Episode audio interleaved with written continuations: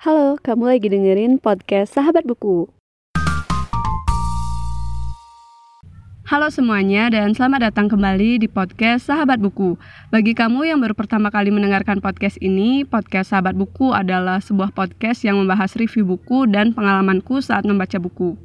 Oke, ini episode selanjutnya dari Challenge Podcast yaitu episode ke-11 dengan tema buku yang aku baca dan lebih dari 500 halaman. Episode ini bukan bermaksud untuk nyombongin buku tebal yang aku baca, tapi aku cuma pengen share doang dan beberapa bukunya juga udah ada reviewnya di podcast Sahabat Buku. Jadi kalian bisa dengerin reviewnya dulu sebelum uh, beli bukunya gitu.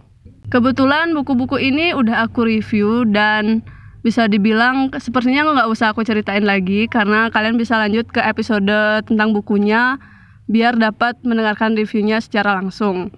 Jadi yang pertama ada buku dari Dilestari dengan judul Aroma Karsa yang kedua ada buku dari Jocelyn Gardner dengan judul Dunia Sophie.